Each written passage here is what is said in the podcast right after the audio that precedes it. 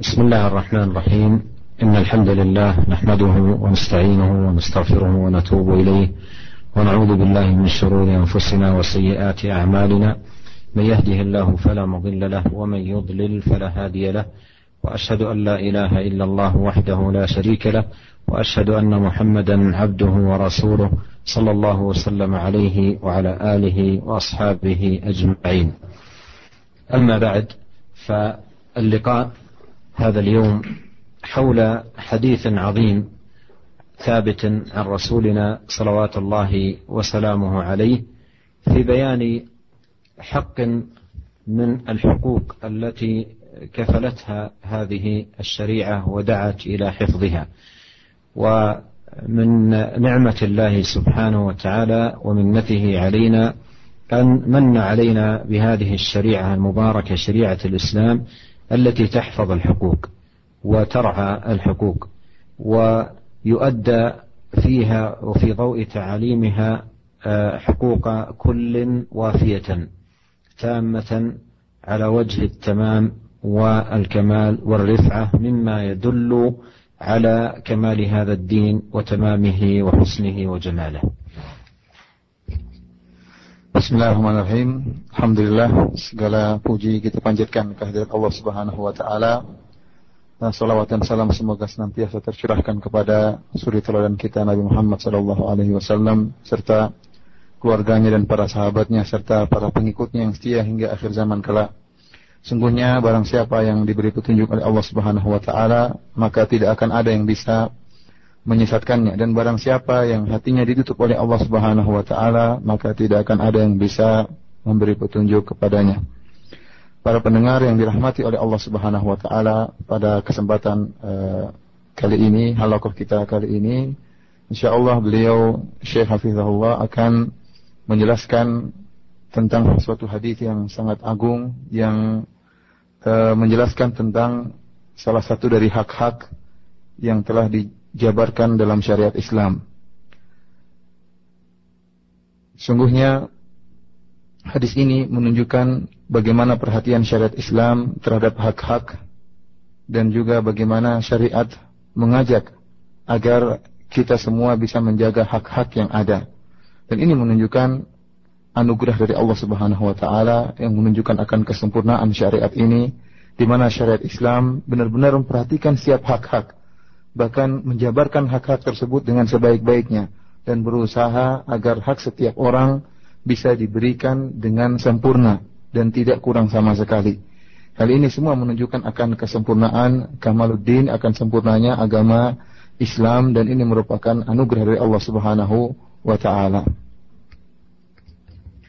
فمن جملة الحقوق التي كفلتها أو كفلتها هذه الشريعة الغراء حق الطريق جاء في الصحيحين من حديث أبي سعيد الخدري رضي الله عنه أن النبي صلى الله عليه وسلم قال إياكم والجلوس في الطرقات. إياكم والجلوس في الطرقات أي احذروا أن تجلسوا في الطريق. قالوا يا رسول الله مجالسنا ليس منها بد ليس لنا منها بد نتحدث فيها.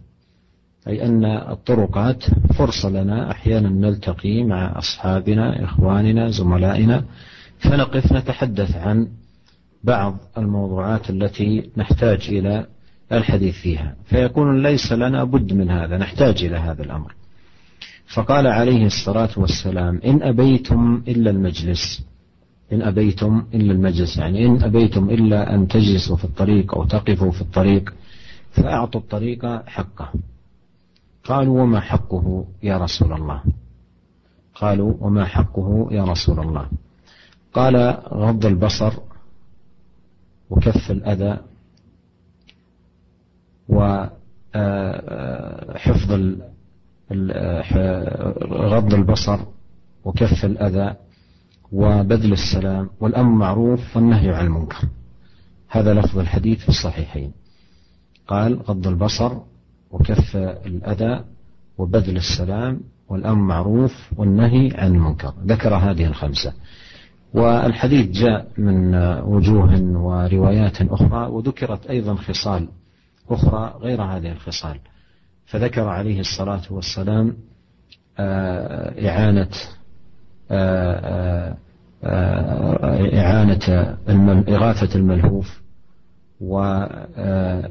وكف الأذى.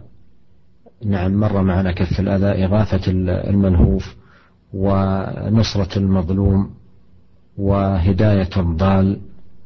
وذكر بعض الخصال الأخرى.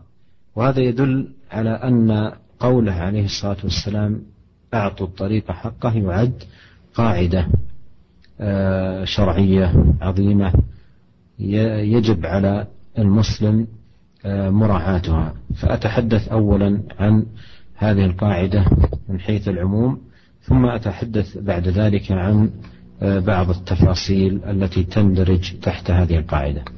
Para pendengar yang dirahmati oleh Allah Subhanahu wa taala, telah kita jelaskan tadi bahwasanya syariat Islam merupakan syariat yang sangat memperhatikan hak-hak setiap orang dan berusaha agar hak-hak setiap orang bisa ditunaikan dengan sesempurna mungkin. Dan di antara hak-hak yang diperhatikan oleh syariat Islam ini adalah hak jalan. Itu hak yang harus ditunaikan bagi orang yang berada di jalan atau yang duduk-duduk di pinggir jalan. Diriwayatkan dari sahabat Abi Sa'id Al-Khudri radhiyallahu taala anhu sebagaimana dalam Sahih Al-Bukhari dan Sahih Muslim bahwasanya Rasulullah sallallahu alaihi wasallam pernah bersabda, "Iyyakum wal julusa fit turuqat." Hati-hatilah kalian jangan sampai duduk-duduk, jangan sampai kalian duduk-duduk di jalanan, ya. Rasulullah mengingatkan para sahabatnya agar mereka tidak duduk-duduk di jalanan. Qalu ya Rasulullah, majalisuna laisa lana min nabut. Kata para sahabat, wahai Rasulullah, kita bagaimanapun harus duduk-duduk di di jalan ya. Kenapa? Karena mungkin kita akan bertemu dengan saudara-saudara kita atau sahabat-sahabat kita, maka kita pun ngobrol, berbincang-bincang, kemungkinan besar kita pasti akan duduk-duduk di pinggir jalan, ngobrol dan berbicara dengan uh, sahabat kita, dengan teman-teman kita. Maka kata Rasulullah sallallahu alaihi wasallam, "In abaitum illa al-majlis." Jika kalian memang tidak bisa kecuali harus duduk di pinggir jalan, fa'atu tariqa haqqahu. Kata Rasulullah SAW, kalau begitu kalian harus memberikan hak-hak jalan. Kalau memang kalian tidak bisa menghindar dari duduk di jalan dan harus duduk di jalan karena harus bertemu dengan sahabat dan teman-teman, maka kalian harus memberikan hak-hak jalan. Maka mereka bertanya, "Qalu, ya Rasulullah, apa hak-hak jalan tersebut?" Maka Rasulullah SAW menjelaskan hak-hak jalan di antaranya kata Rasulullah, "Ghaddul basar," yaitu tundukan pandangan. Wakaful adha, tidak mengganggu orang lain. Wabadlus salam, menyebarkan salam. Wal amru bil ma'ruf dan harus melaksanakan amar ma'ruf. Wan nahyu anil munkar dan harus melaksanakan uh, nahyu anil munkar. Inilah lima perkara yang disebutkan Rasulullah SAW dalam sahihain. Jangan lain berdulu salam, tebarkan salam, kemudian beramar ma'ruf dan bernahi mungkar. Ini lafal yang tersebutkan dalam uh, lima, lima perkara ini yang disebutkan dalam sahihain. Dan dalam jalan-jalan hadis yang lain, menuju ukhra, dalam jalan-jalan yang lain, disebut Rasulullah SAW, selain dari sahihain, Rasulullah SAW menyebutkan perkara-perkara yang lain, yang merupakan hak dari jalan.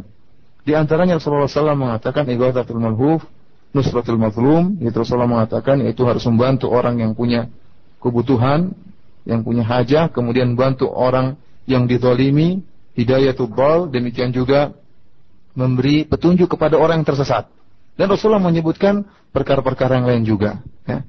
Dan ini uh, di antara khisal atau perkara-perkara yang merupakan hak-hak yang harus ditunaikan bagi orang yang sedang berada di jalan atau duduk-duduk di jalan. Para pendengar radio Raja yang dirahmati oleh Allah Subhanahu wa taala, ya. Maka perkataan Nabi sallallahu alaihi wasallam, "A'tu tariqa haqqahu." Ya, berikanlah hak-hak tarik, hak-hak jalan merupakan kaidah syariah yang sangat agung. Yang insya Allah akan dijelaskan oleh Syekh lebih panjang lebar lagi dan kita tunggu penjelasan beliau. Hafizahullah.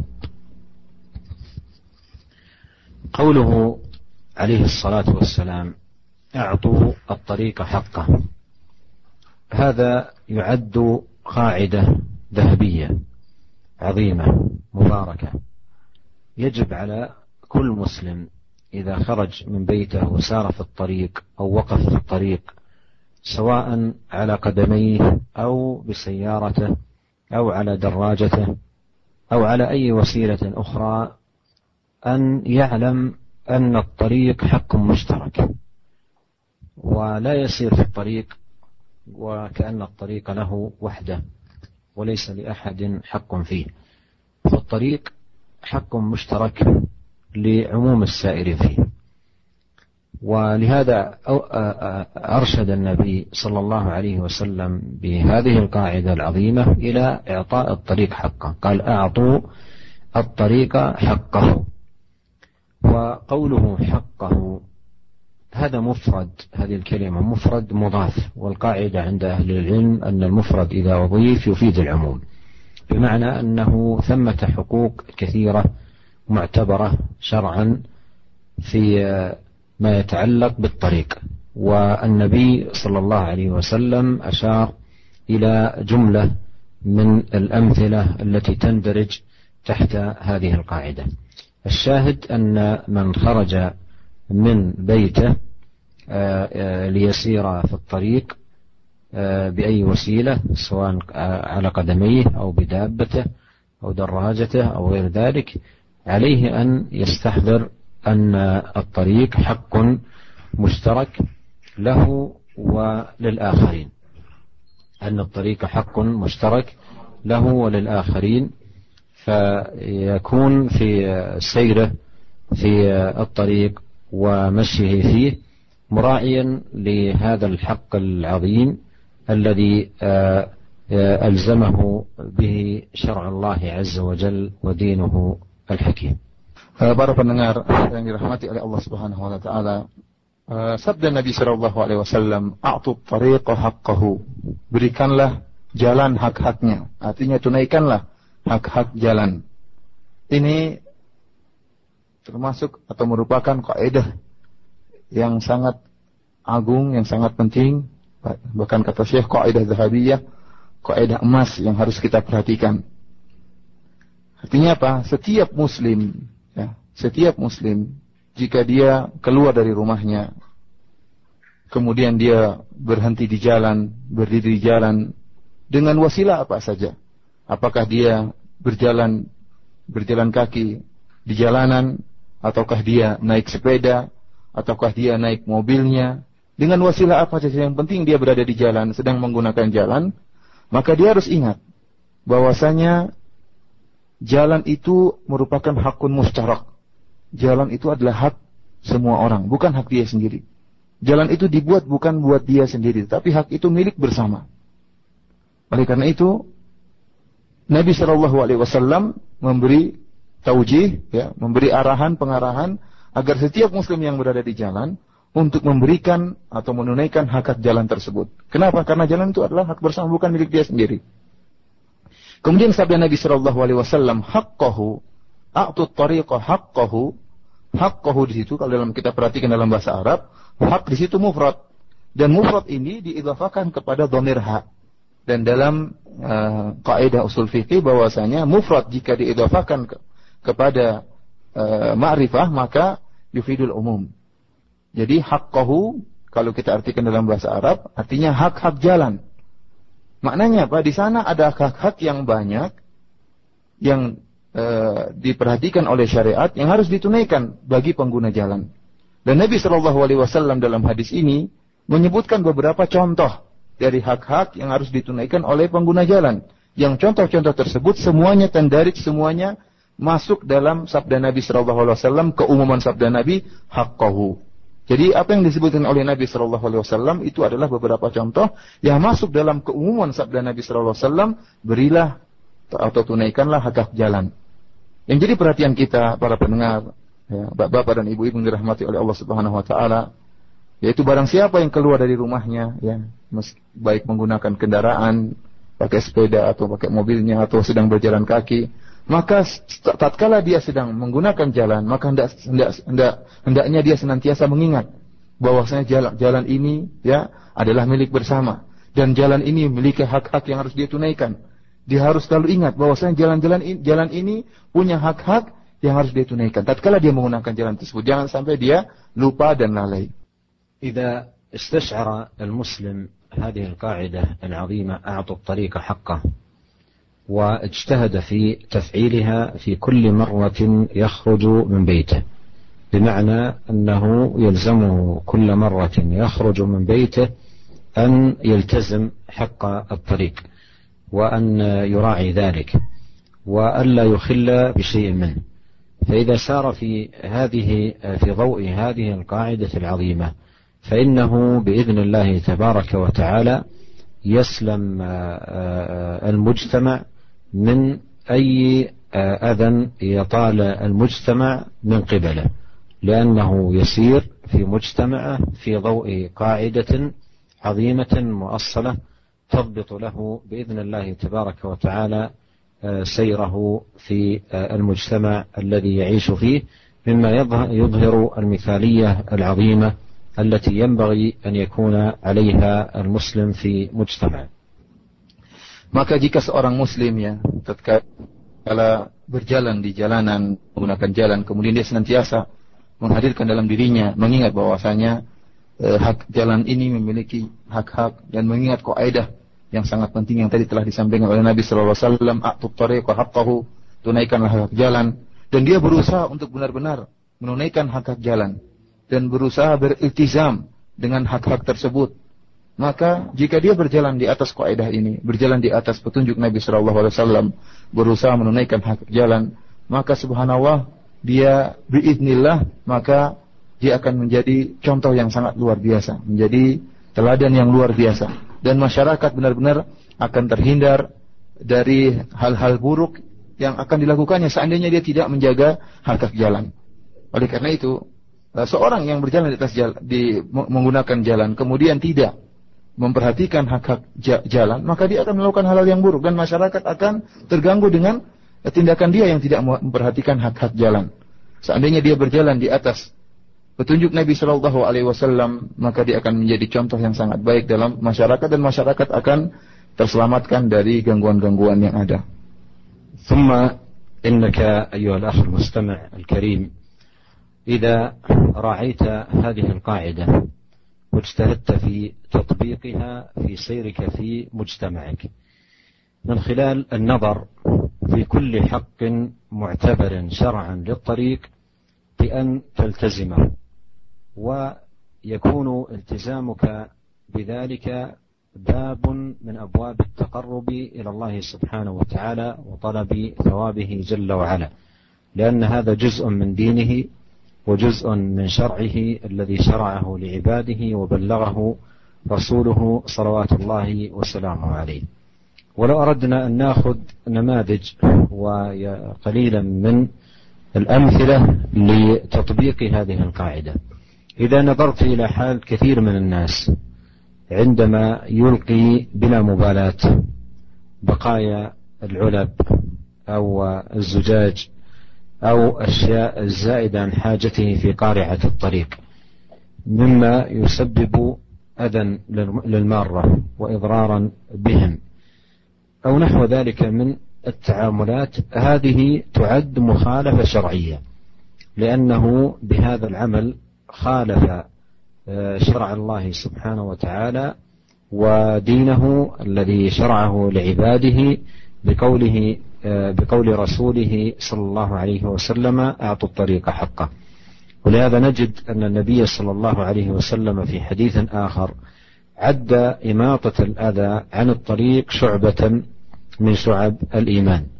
وجاء عنه كما في صحيح مسلم أنه عليه الصلاة والسلام آه، ذكر رجلا مر بغصن شجرة ذي شوك في قارعة الطريق فقال والله لا أدع هذا في طريق المسلمين فيؤذيهم فنحاه عن طريقهم فشكر الله عز وجل عمله فأدخله الجنة.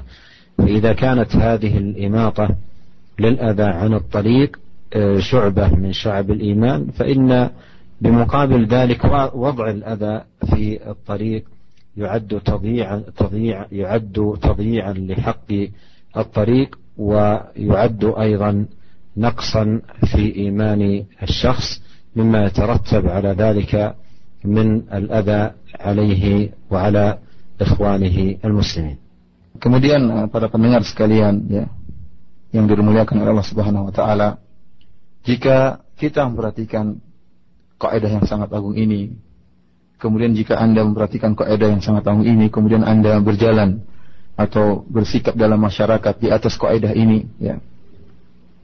Maka Anda harus ingat bahwasanya iltizam Anda atau iltizam kita kepada kaidah ini, ya, berusaha kita untuk melaksanakan atau menunaikan hak jalan itu merupakan salah satu jalan untuk bertakarrub kepada Allah Subhanahu wa taala.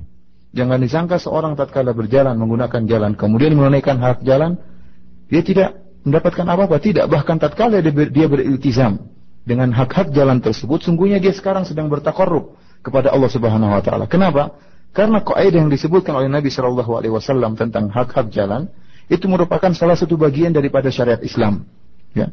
Itu merupakan salah satu bagian dari syariat Islam. Dan yang sungguh menyedihkan betapa banyak orang yang tidak memperhatikan kaidah ini, tidak menunaikan hak hak jalan tatkala mereka menggunakan jalan. Ya.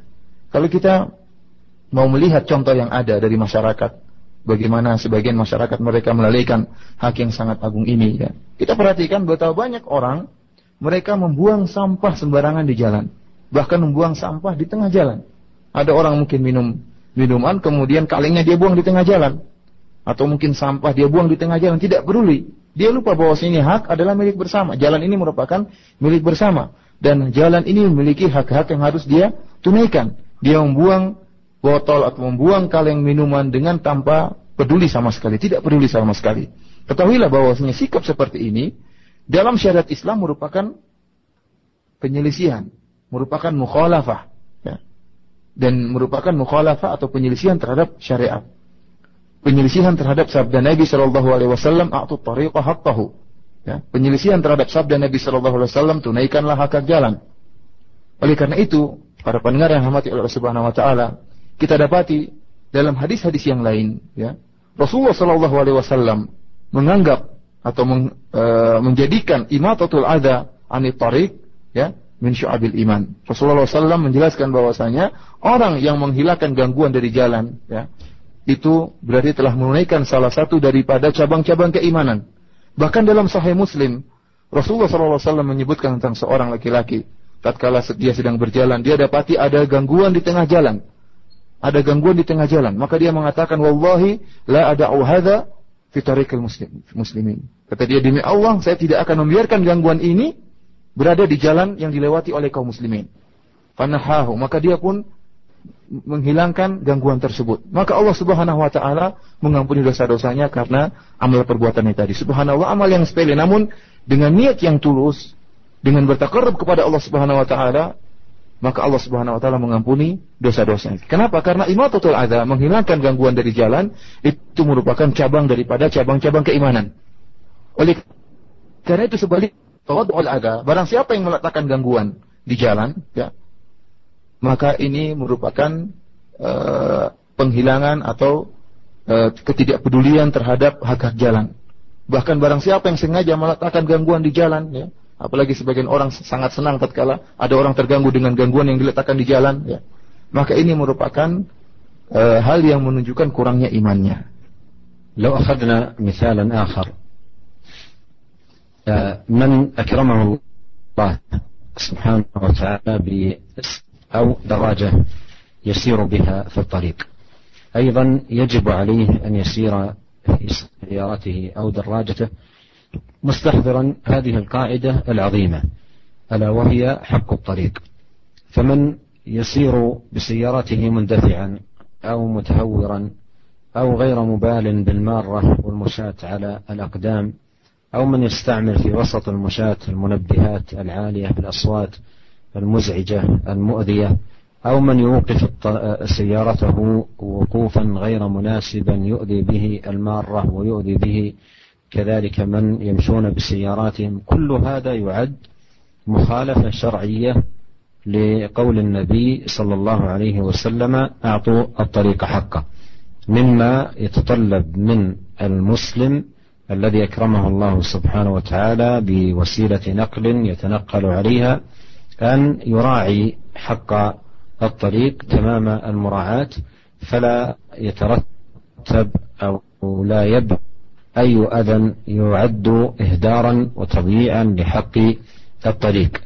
ولنلاحظ أن النبي صلى الله عليه وسلم لما تحدث عن حق السلام قال ليسلم الراكب على الماشي لأن الراكب أكرمه الله سبحانه وتعالى بوسيلة نقل لم تتيسر لإخوانه المشاة فكان بذلك يجدر به أن يتعامل معهم بالتواضع والرفق والرحمة والإحسان. وإلقاء السلام لا أن يتعامل معهم بنوع من الأذية وإلحاق المضرة بهم وعدم المبالاة بإخوانه المسلمين Ikhwani fillah wa fiddin azani Allah wa iyyakum para pendengar yang dirahmati oleh Allah Subhanahu wa taala. Kita ambil contoh yang lainnya. Sebagian orang Allah Subhanahu wa taala muliakan dia dengan memberikan kelebihan harta dan alhamdulillah memiliki mobil misalnya. Maka seorang yang menggunakan mobil di jalan, setelah Allah berikan nikmat kepada dia berupa mobil yang bagus, dia berjalan di jalanan, maka hendaknya dia senantiasa mengingat akan hak-hak jalan. Oleh karena itu jangan sampai tatkala seorang menggunakan mobil di jalanan kemudian dia mengemudikan mobil dengan cara yang sembarangan. Dengan balap-balapan, dengan kecepatan yang sangat tinggi, atau tatkala melewati jalan menggunakan klakson terus sehingga mengganggu orang yang sedang e, berjalan kaki sampai sebagian orang kaget tatkala mendengar klakson yang sangat besar. Atau dia kemudian memparkir e, mobilnya sembarangan ya sehingga mungkin mengganggu orang tidak bisa keluar mobil yang lain tidak bisa keluar. Kenapa? Karena terhalangi mobil yang dia parkir sembarangan. Ya ini semua tindakan merupakan penyelisihan terhadap syariat Islam. Penyelisihan terhadap Sabda Nabi Shallallahu Alaihi Wasallam tunaikanlah hak-hak jalan. Oleh karena itu dituntut bagi seorang Muslim yang telah Allah muliakan dia dengan mobil, maka tatkala dia menggunakan jalan, dia benar-benar harus memperhatikan hak-hak jalan. Benar-benar memperhatikan hak jalan dengan sesempurna mungkin. Oleh karena itu kalau kita perhatikan ya dalam hadis ini, Rasulullah SAW berkata dari kelanjutan hadis ini, kata Rasulullah SAW, liusallimur raqib alal mashi. Rasulullah SAW hendaknya orang yang berkendaraan memberi salam kepada orang pejalan kaki. Kenapa? Ini isyarat dari Nabi SAW bahwasanya seorang yang Allah muliakan dengan memberikan dia kendaraan, maka jangan dia bersikap takabur, jangan dia bersikap sombong di hadapan orang yang tidak memiliki kendaraan. Ya.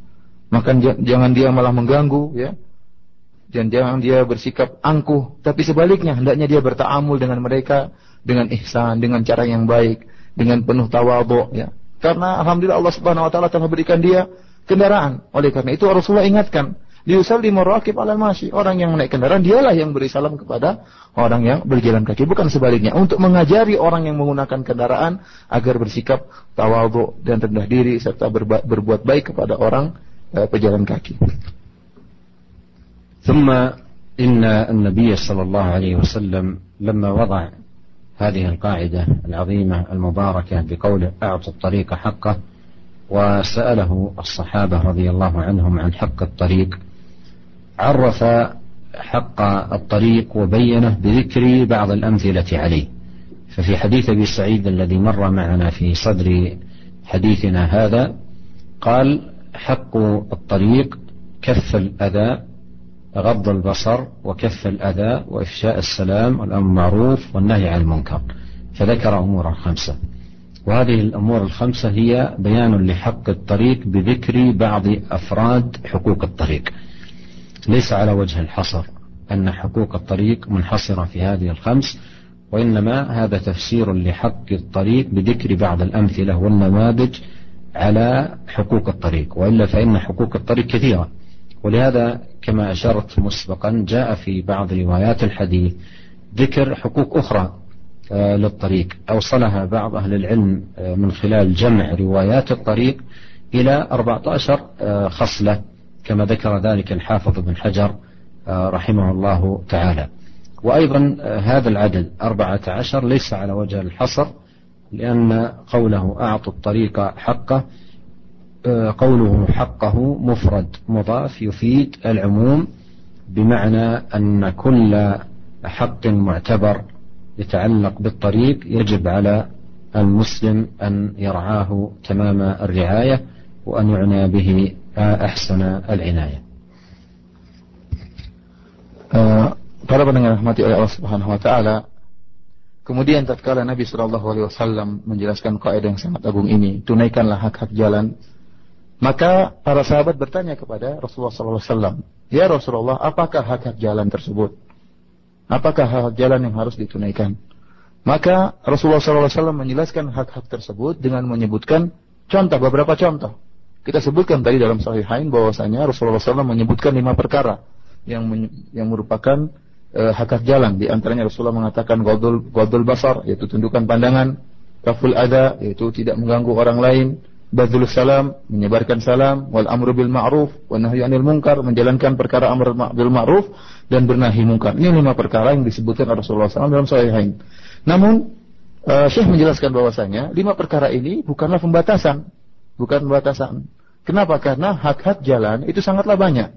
Bahkan sebagian ahlul ilmi, sebagian ulama seperti Al-Hafidh Ibnu Hajar rahimahullah mengumpulkan jalan-jalan dari hadis ini dan beliau menyebutkan bahwasanya uh, perkara yang disebutkan oleh Rasulullah SAW merupakan hak-hak jalan sampai pada 14 perkara. Kata Al-Hafidh Ibnu Hajar, ada 14 perkara yang disebutkan oleh Nabi SAW setelah kita kumpulkan jalan-jalan riwayat hadis. Saya juga menjelaskan 14 perkara ini juga itu juga bukan hasar, itu juga bukan pembatasan. Kenapa? Karena sabda Nabi Shallallahu Alaihi Wasallam, hakkahu atau tariqa hakkahu seperti tadi kita telah jelaskan adalah mufrad yang diidafahkan dan memberikan faedah keumuman Tunaikanlah semua hak-hak jalan. Oleh karena itu, 14 juga bukan merupakan batasan. Saya menjelaskan setiap hak yang memang dianggap oleh syariat sebagai hak jalan meskipun tidak disebutkan dalam hadis ini, ya, maka dia merupakan hak yang harus ditunaikan bagi pengguna jalan. بدأ النبي عليه الصلاة والسلام في ذكر الأمثلة لحق الطريق بدأ صلوات الله وسلامه عليه بقوله غض البصر. بقوله صلوات الله وسلامه عليه غض البصر. وغض البصر حق عظيم من حقوق الطريق. والبدء به يدل على أهمية وعظم مكانة غض البصر باعتباره حق من حقوق الطريق. لأن الطريق آه، قد تمر فيه المرأة لحاجة. الأصل في المرأة أن تقر في بيتها. لكن قد تخرج لحاجة وإذا خرجت استشرفها الشيطان أي جعلها غرضا له لإثارة الفتنة وإشاعة الفاحشة والأمر المحرم. فكان الرجل الذي احتاج أن يقف في الطريق أو أن يجلس في الطريق أن يراعي غض البصر لأنه إذا غض بصره حصلت له بإذن الله تبارك وتعالى زكاة قلبه. كل وكل المؤمنين كل المؤمنين يغضوا من أبصارهم ويحفظوا فروجهم ذلك أزكى لهم. فإذا غض بصره كان بذلك زكاء قلبه.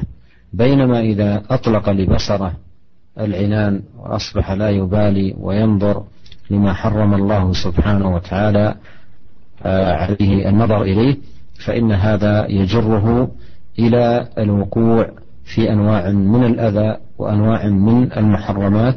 التي حرمها الله سبحانه وتعالى على عباده. فمن أخلاق المسلم عندما يحتاج إلى أن يقف الطريق أو أن يجلس في الطريق أن آه، يغض بصره. وقد بدأ النبي صلى الله عليه وسلم به لعظم مكانته ووجوب رعايته وأن من لم يرعى هذا الحق سيجره ذلك إلى أنواع من الفساد والانحلال مما لا يحمد هو ولا غيره عاقبته في الدنيا والآخرة Dalam hadis ini Rasulullah SAW tatkala menjelaskan tentang hak jalan, beliau memulai dengan perkataannya godul basar. Jadi hak yang pertama kali yang disebutkan oleh Rasulullah SAW tentang hak jalan pertama kali adalah godul basar itu tundukan pandangan. Yang ini menunjukkan menundukkan pandangan merupakan hak yang sangat azim, hak yang hak yang sangat agung. Oleh karena itu Nabi SAW memulai pertama kali disebutkan adalah hak ini. Ini yang pertama kali disebutkan oleh Nabi SAW menunjukkan akan pentingnya hak ini. Kenapa? Karena bisa jadi wanita keluar dari rumah ya karena ada hajah maka dia pun keluar melewati jalan. Ya. Meskipun kita tahu bahwasanya asalnya wanita itu tinggal di rumah. Asalnya wanita itu tetap di rumah, tidak hobi untuk keluar dari rumah. Tapi wanita itu mestinya hobinya dalam rumah saja, bukan keluar rumah. Akan tapi bisa jadi wanita itu keluar rumah karena ada kebutuhan ya. Nah, kalau kita Indonesia kebanyakan wanita memang keluar rumah. Ya, menyelisih asal ini. Maka kata dalam hadis sebutkan wa idza kharajat istasyrafa syaitan. Jika wanita itu keluar dari rumahnya, maka setan akan menghiasi. Ya, wanita itu akan menjadi tujuan setan karena setan tahu wanita itu mudah untuk dengan wanita dengan saran wanita mudah untuk menggelincirkan para laki-laki. Maka setan pun menghiasi wanita. Maka seorang laki-laki yang sedang berjalan atau menggunakan jalan hendaknya dia menundukkan pandangannya. Jangan sampai dia mengumbar pandangannya hingga melihat wanita yang telah dihiasi-hiasi oleh setan. Karena seorang yang menundukkan pandangannya, maka Allah Subhanahu wa taala akan menyucikan hatinya. Allah akan e, memberikan cahaya dalam hatinya. Sebagian dalam Al-Qur'an Allah Subhanahu wa taala berfirman, "Kullil mu'minin yaghuddu min absarihim wa yahfazu furujahum, dzalika azka lahum." Kata Allah Subhanahu wa taala, katakanlah bagi laki-laki mukmin, ya. Bagi orang-orang yang beriman, katakanlah bagi laki-laki yang beriman agar mereka menundukkan pandangan mereka. Dzalika azkalahum karena itu lebih baik bagi mereka. Ini menunjukkan bahwasanya orang yang bisa menjaga pandangannya, maka Allah akan berikan cahaya dalam hatinya. Berbeda dengan orang yang tidak peduli kemudian mengumbar pandangannya, ya, maka Allah ya, maka tidak ada cahaya dalam hatinya dan dia akan terjerumus dalam perkara-perkara yang lebih bahaya lagi. Bukankah dengan mengumbar pandangan akan menjerumuskan orang dalam kemaksiatan yang lebih besar lagi? Ya. Perkara hal-hal yang diharamkan oleh Allah Subhanahu wa taala yang lebih parah lagi. Oleh karena itu, jika seorang memang e, berhajah atau butuh untuk menggunakan jalan atau berdiri di jalan atau ngobrol di jalan ya, maka hendaknya dia memperhatikan hak yang sangat agung ini, yaitu dia menundukkan pandangannya. Kita tahu bahwa Rasulullah SAW tatkala menyebutkan pertama kali tentang hak jalan adalah hudul besar, ini menunjukkan bahwasanya hak ini sangat penting dan orang yang tidak memperhatikan hak ini, tidak menundukkan pandangannya, maka dia akan terjerumus dalam hal-hal yang lebih parah, minimal hatinya tidak suci akan terjerumus akan dia akan ada dalam benaknya perkara-perkara yang buruk ya.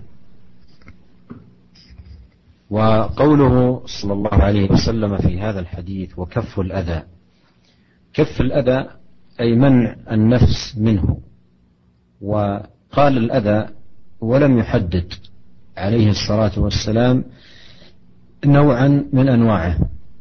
ليكون ذلك شاملا لكل آه، أذى آه، قد يقع من الإنسان سواء بيده أو بتصرفاته المشينة وأخلاقه السيئة.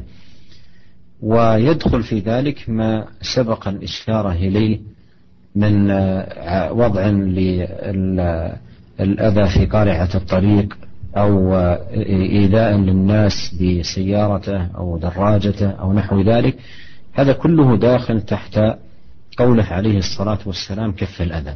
فيفترض في كل مسلم احتاج أن يقف في الطريق أو أن يجلس فيه لحاجة فعليه أن يحترم السائرين على الطريق وأن يتأدب معهم بآداب الإسلام وأن يعاملهم بالمعاملة الفاضلة وأن يكف أذاه عنهم. لا أذى قولي ولا أذى فعلي. لا يؤذيهم بلسانه بكلام سيء أو معاملة فظة أو سب أو نحو ذلك ولا أيضا يؤذيهم بأفعاله بمد يده مؤذيا لهم أو التعرض لشيء من ممتلكاتهم أو حاجاتهم أو خصوصياتهم فكل ذلك محرم عليه وهو داخل تحت قوله صلوات الله وسلامه عليه وكف الأذى Adapun uh, hak yang kedua yang disebut oleh Nabi Sallallahu Alaihi Wasallam wakaful ada Rasulullah Sallam dan uh, tidak mengganggu orang lain ya. Uh, kalau kita perhatikan uh, Rasulullah Sallallahu Alaihi Wasallam dalam hadis ini mengatakan tidak mengganggu orang lain. Rasulullah Sallam tidak menentukan, tidak menjelaskan gangguan tertentu. Ini menunjukkan ya bahwasanya semua gangguan tidak boleh dilakukan oleh seorang muslim tatkala dia sedang di jalan. Jangan sampai dia mengganggu pengguna jalan dengan gangguan apa pun. Segala sesuatu yang disebut dengan gangguan maka tidak boleh dia kerjakan. Jangan sampai dia mengganggu orang yang sedang berjalan, sedang menggunakan jalan. Karena gangguan banyak modelnya, bisa jadi seorang mengganggu dengan tangannya, dengan memukul, ya, atau dengan tingkahnya, dengan sifatnya, dengan ejekannya. Betapa banyak orang yang sedang melewati jalan diejek-ejek oleh orang sedang duduk-duduk di jalan ya. Semua gangguan itu tidak boleh dia lakukan. Dan masuk termasuk dalam gangguan sebagaimana perkara-perkara yang telah kita sebutkan yaitu orang yang wadul orang yang meletakkan gangguan di tengah jalan ya meletakkan sampah atau kaleng minuman atau botol di tengah jalan ini termasuk gangguan. Demikian juga gangguan yang di, dilakukan oleh uh, pemilik mobil. Dengan klakson yang gede atau membuat membunyikan klakson berulang-ulang ya. Atau dengan balapan ini semua merupakan gangguan yang mengganggu pengguna pengguna jalan. Oleh karenanya setiap muslim yang berada di jalan maka hendaknya dia ihtiram, harusnya dia hendaknya dia menghormati hak jalan dan juga menghormati para pengguna jalan. Jangan sampai dia bermuamalah dengan muamalah yang jelek. Tapi hendaknya dia bermuamalah dengan pengguna jalan dengan muamalah yang sangat baik. Jangan sampai dia mengganggu mereka baik dengan perkataannya maupun dengan perbuatannya. Jangan sampai dia mencela mereka, jangan sampai dia mencaci mereka, jangan sampai dia mengejek mereka. Semua perkataan yang bisa mengganggu mereka, menyakiti mereka harus dia tinggalkan. Demikian juga perbuatan. Semua perbuatan yang bisa mengganggu pengguna jalan harus dia tinggalkan. Jangan sampai dia memukul mereka atau bahkan lebih parah mencuri barang mereka. Ini semua merupakan gangguan dan ini semua termasuk dalam larangan Nabi sallallahu alaihi wasallam kata Rasulullah SAW wakaful adha hendaknya seorang tidak mengganggu pengguna jalan. ثم ذكر عليه الصلاة والسلام إفشاء السلام وهذا يعتبر أيضا حق من حقوق الطريق وإفشاء السلام سبب لفشو الرحمة والألفة والمحبة وتحقق الأمن والسلام في المجتمع. كما قال عليه الصلاة والسلام أفشوا السلام تسلموا. وكما قال عليه الصلاة والسلام لن تدخلوا الجنة حتى تؤمنوا ولن تؤمنوا حتى تحابوا. ألا أدلكم على شيء إذا فعلتموه تحاببتم أفشوا السلام بينكم. فيفترض في من احتاج للطريق أن يرعى هذا الحق العظيم من حقوق الطريق فيفشي السلام. باذلا له لمن يلقاه وأيضا رادا على من يلقي عليه السلام. فهذا من الأمور والمتطلبات المهمة التي ينبغي مراعاتها والعناية بها من كل مسلم احتاج الطريق للوقوف أو الجلوس فيه. Kemudian Nabi Shallallahu Alaihi Wasallam menyebutkan hak yang ketiga yaitu Rasulullah SAW Batul salam yaitu hendaknya kalian menyebarkan salam tersebarnya salam maka akan tersebar juga rahmat kasih sayang dan akan uh, tersebar juga saling mencintai di antara kaum muslimin dan akan juga uh, terrealisasikan uh, terwujudkan keamanan dan keselamatan. Oleh karena itu Nabi Shallallahu Alaihi Wasallam pernah bersabda, "Absus salam taslamu." Ya hendaknya kalian menyebarkan salam maka kalian akan selamat. Ya karena dalam salam ada doa untuk memberi keselamatan. Dengan terbar tersebarnya salam akan tersebar juga keselamatan. Demikian juga dengan tersebarnya salam akan tersebar rasa cinta di antara kaum muslimin. Rasulullah SAW pernah bersabda lan tadkhulul jannata hatta tu'minu. Kalian tidak akan masuk ke dalam surga sampai kalian beriman. Wala tu'minu hatta tahabbu. Dan kalian tidak akan beriman tidak akan sempurna imannya sampai kalian saling mencintai. Ala orang dulu ke sini. Maulah mau bukan datang yang jika kalian lakukan maka kalian akan saling mencintai.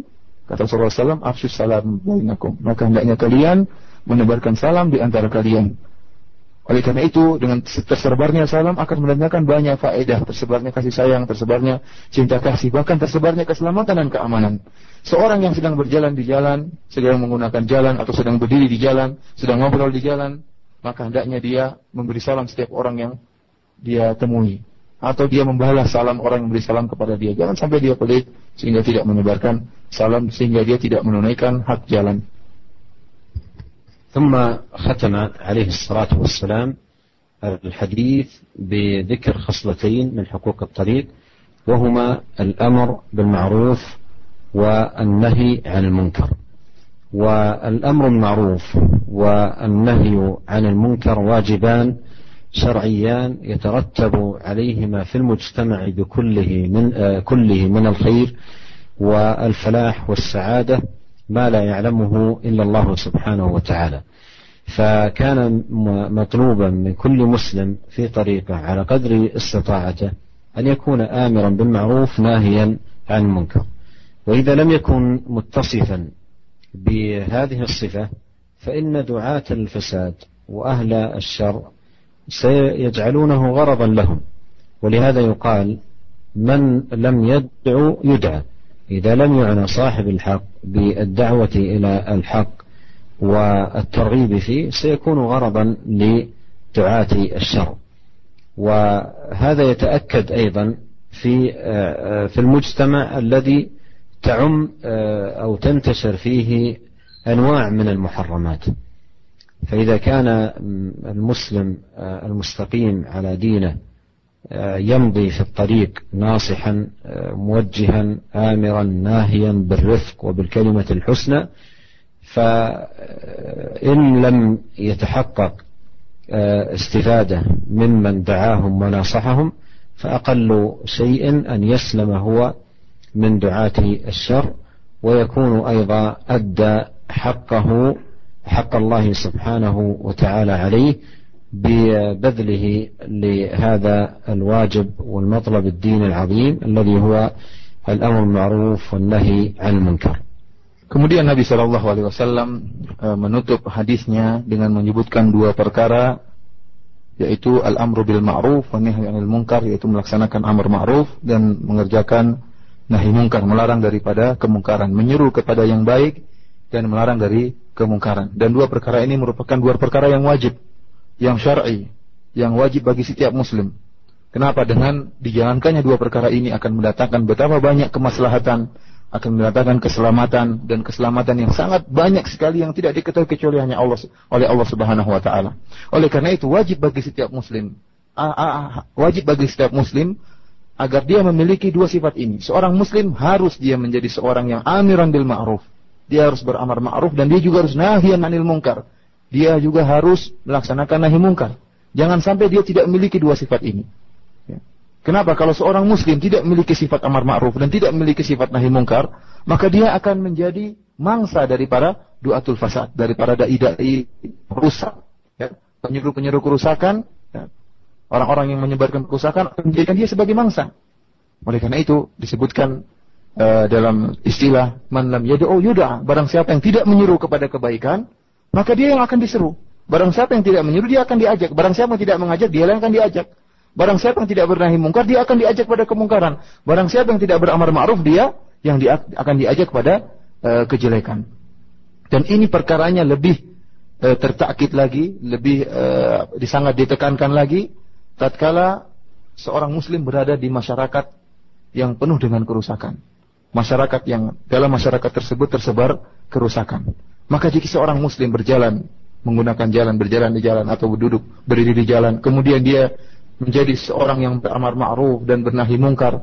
Kalau ketemu orang melakukan kemaksiatan dia tegur atau dia mengajak seorang berbuat kebaikan, maka subhanallah betapa banyak kemaslahatan yang tersebar di masyarakat kita.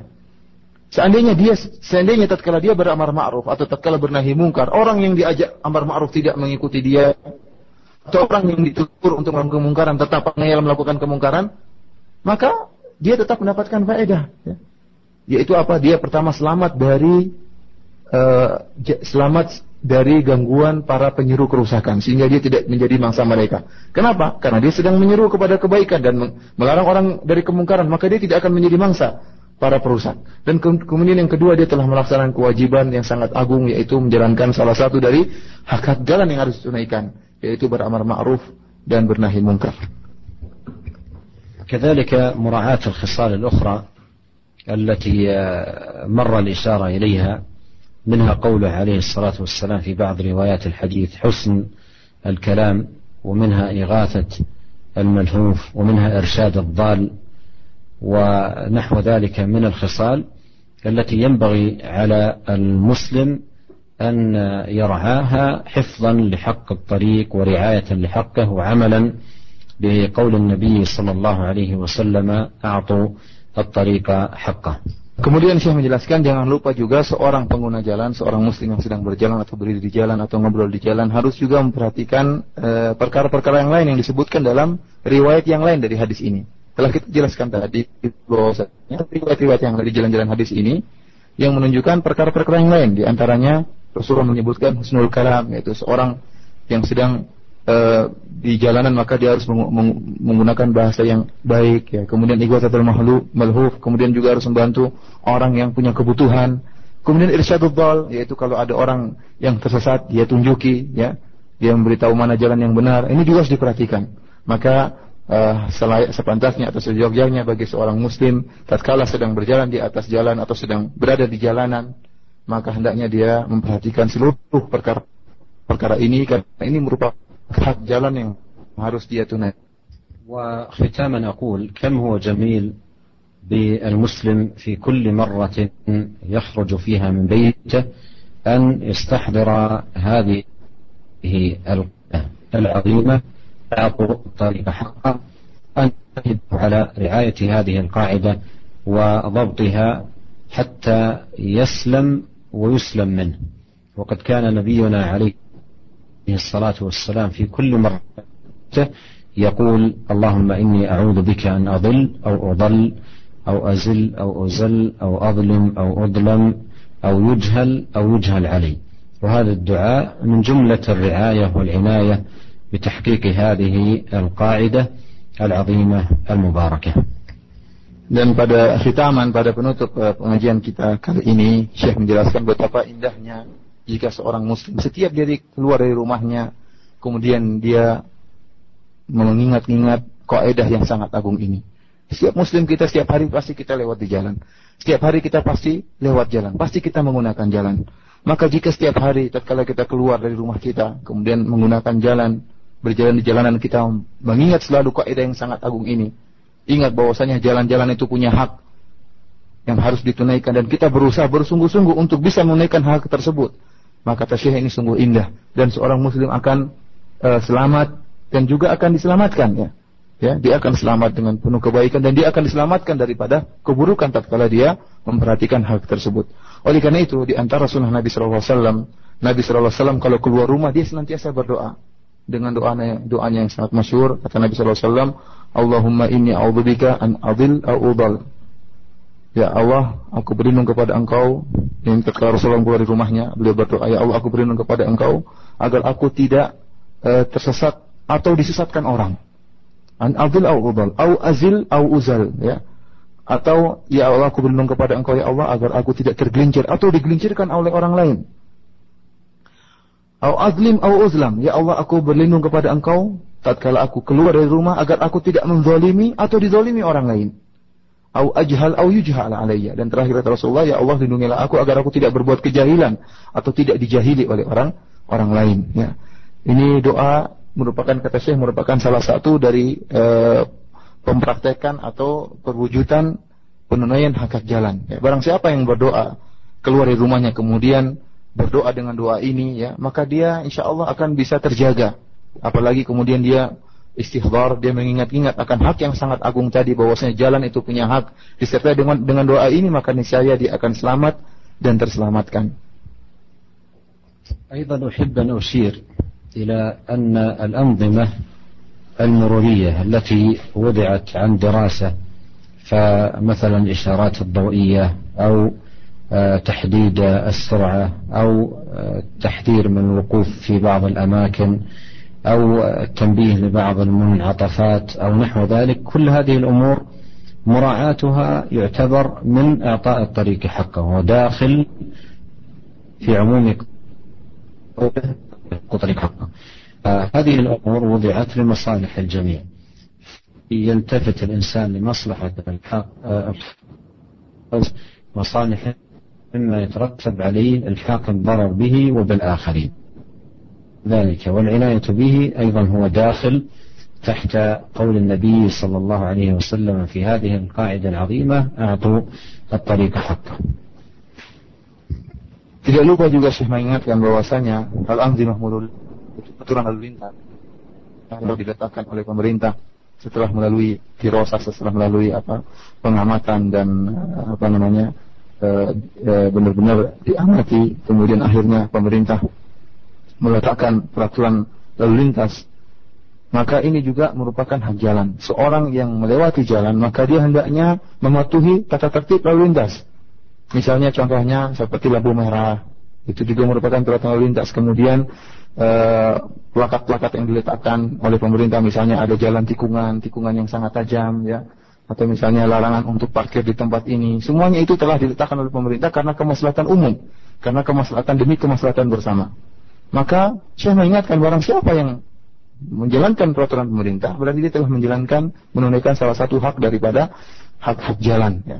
Jangan sampai seorang gara-gara mikir maslahat dirinya sendiri karena ingin segera sampai atau kemaslahan pribadi, akhirnya dia melalaikan uh, hak-hak jalan ini, melalaikan peraturan pemerintah, melalaikan uh, anti mamuriyah, peraturan tata tertib lalu lintas. Akhirnya apa? Akhirnya terkadang dia bisa jadi mendapatkan mudarat, bisa jadi dia sendiri terkena bahaya, terkena kecelakaan, atau dia mencelakakan orang lain, ya, atau dia mencelakakan orang lain. Oleh karena itu saya mengingatkan bahwasanya e, menaati peraturan pemerintah itu merupakan salah satu bentuk e, takarruf kepada Allah Subhanahu wa taala, salah satu bentuk penunaian terhadap hak jalan. تنبيه آخر.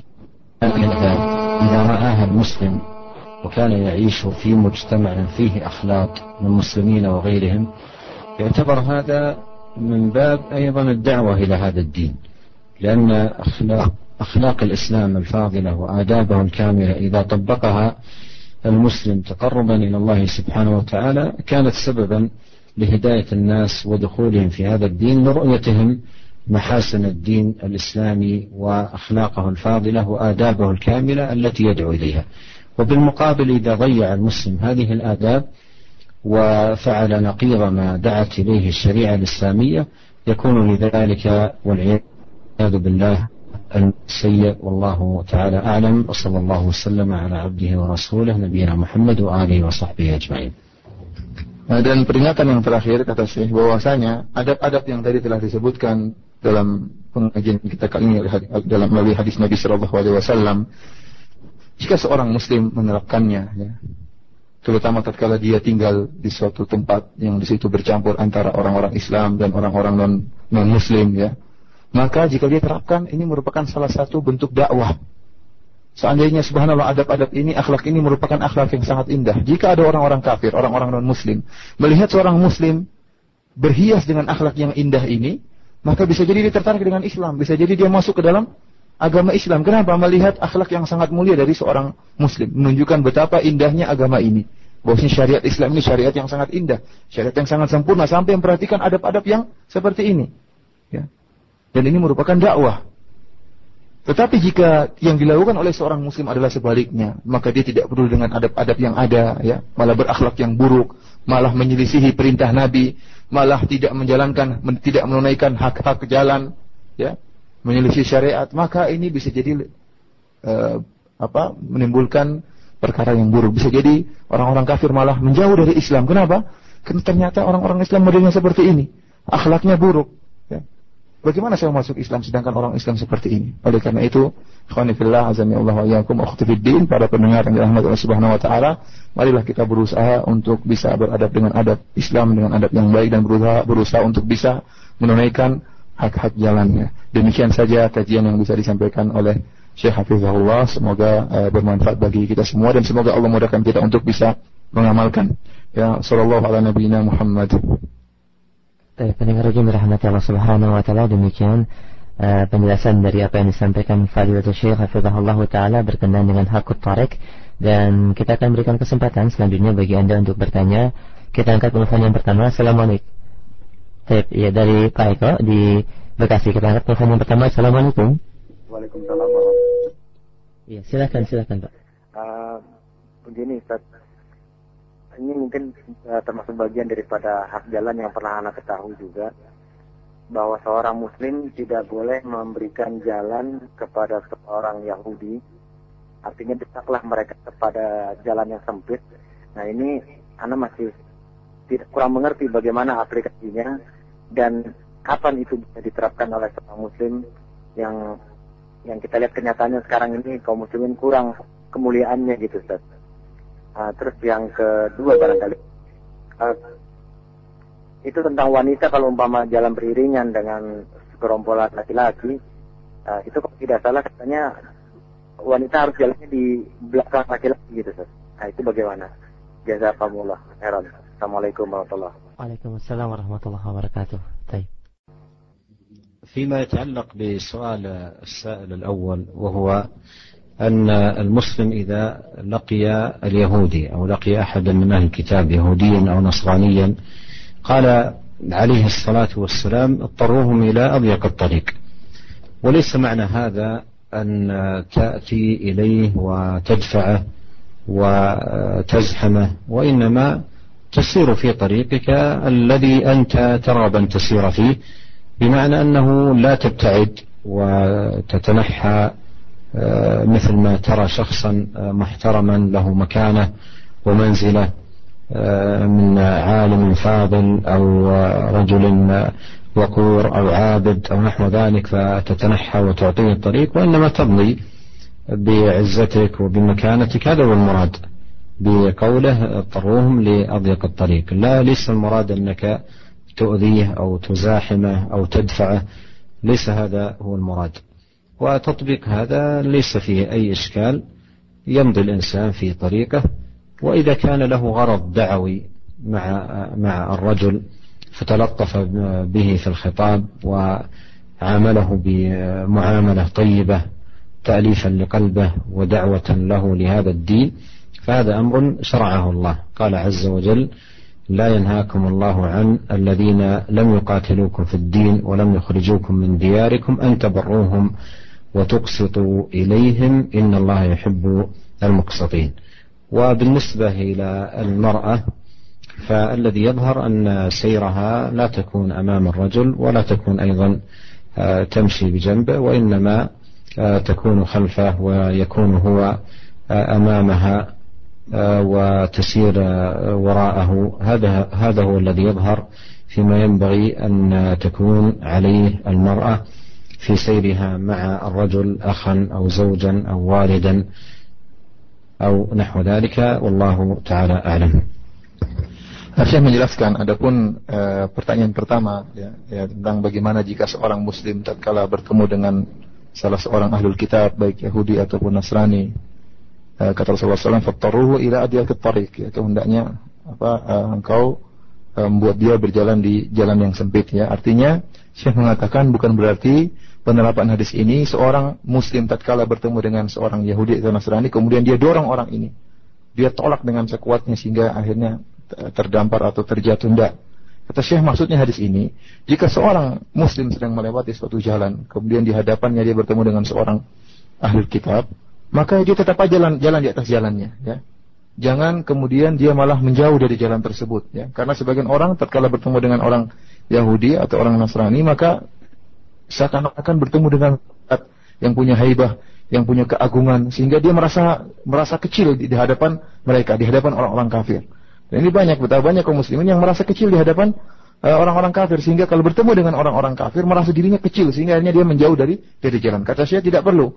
Jika dia ketemu dengan mereka, ya tidak perlu dia menghormati mereka. Jangan sampai mereka menganggap orang tersebut adalah orang yang hebat, yang harus, yang agung, maka dia pun menjauh. Enggak, tapi dia tetap berjalan di atas jalannya, berjalan sesuai dengan jalan yang ingin dia tempuh. Tidak, tidak kemudian dia malah malah menjauh. Ini maksud dari hadis tersebut. Kemudian kata Syekh, namun jika seorang ada gorodun dakwi, dia punya tujuan untuk berdakwah kepada uh, ahlul kitab ini, maka silakan dia berbuat baik, datang kepada orang tersebut, kemudian mengucapkan kalimat yang lembut, berakhlak mulia.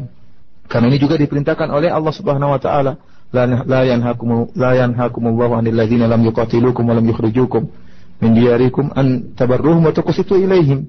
Innallaha yuhibbul muqsitin. Yang artinya sungguhnya Allah Subhanahu wa taala tidak melarang kalian ya uh, untuk berbuat baik dan berbuat adil kepada orang-orang yang tidak memerangi kalian dan tidak mengusir kalian dari rumah-rumah kalian. Kalau kita ketemu dengan orang yang non muslim ya. Meskipun uh, dan dia apa namanya tidak berbuat jahat sama kita maka kita hendaknya berbuat baik sama mereka.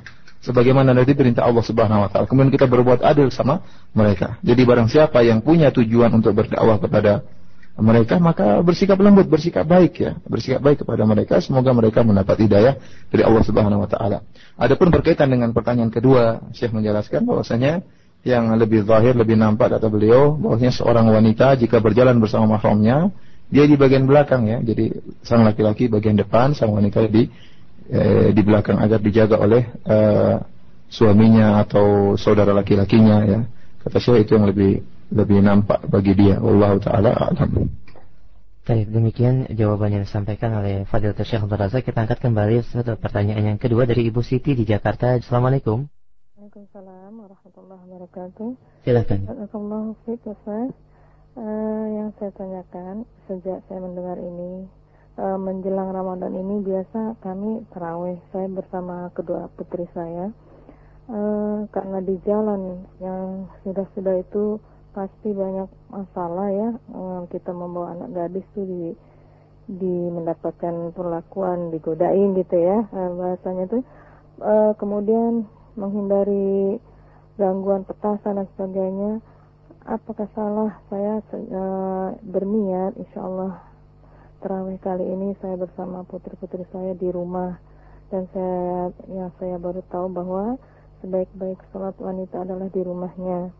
Yang kedua, eh, sehubungan dengan eh, akhlak pemakai jalan, kebetulan depan rumah saya ini jalannya strategis, sehingga banyak eh, apa orang-orang itu membangun rumah dan korbannya adalah jalan di muka saya itu uh, pinggir got saya sampai mau rubuh.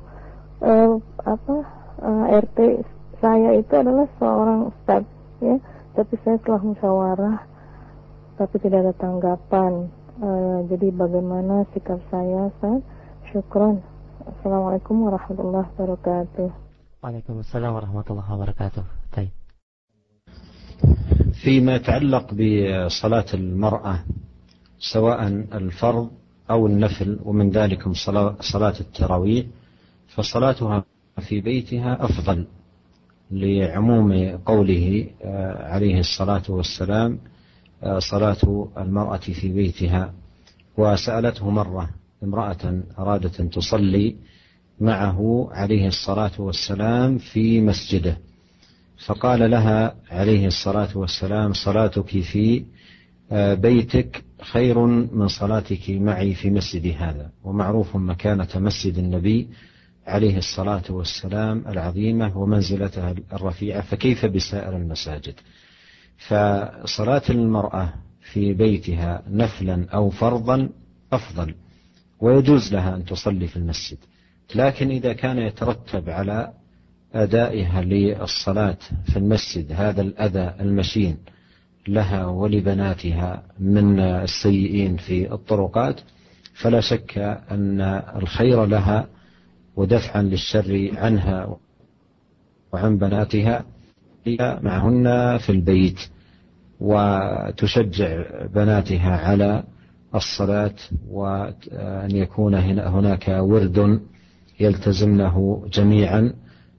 في أداء الصلاة صلاة التراويح كل ليلة في بيتهن بطمأنينة وخشوع وذكر لله سبحانه وتعالى ودرء المفاسد مقدم. يعني في ذهابهن للمسجد فيه خير لكن صلاتهن في بيتهن أفضل وفيه أيضا دفع لهذه المفسدة.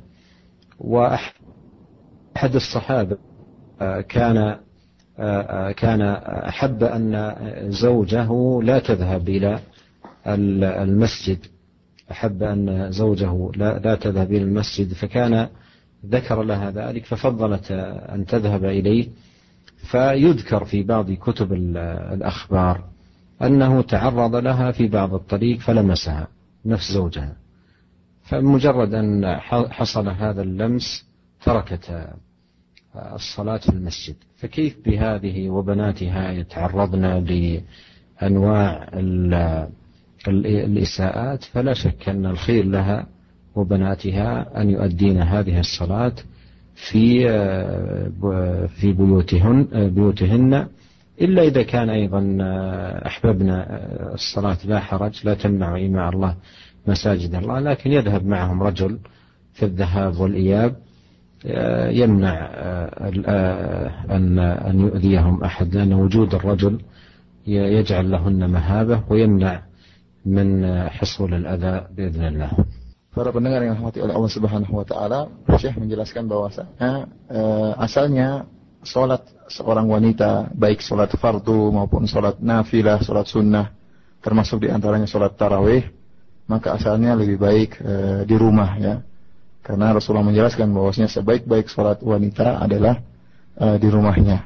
Bahkan saya menyebutkan dalam satu hadis disebutkan ada seorang sahabiat yang datang kepada Nabi SAW dan minta izin untuk sholat di masjid Nabi SAW.